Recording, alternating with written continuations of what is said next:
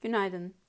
BİM'in operasyonel olarak beklentileri nispeten paralel açıklanan ilk çeyrek sonuçlarında net kar, depremler, erken emeklilik sistemi ve Mısır para birimindeki değer kaybının da rol oynadığı tek seferlik olumsuz etkilerle piyasa beklentisinin %22 gerisinde kalmıştır.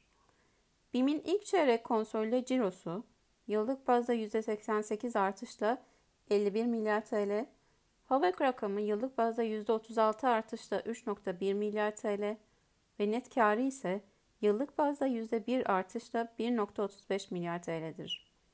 Sonuçların kısa vadede hisse üzerinde baskı yaratması olasıdır. Şirket 2023 beklentilerini muhafaza etmiştir.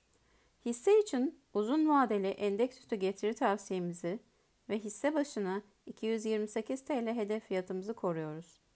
BİM'in sonuçları hakkındaki telekonferansı bugün Türkiye saatiyle 4.30'dadır.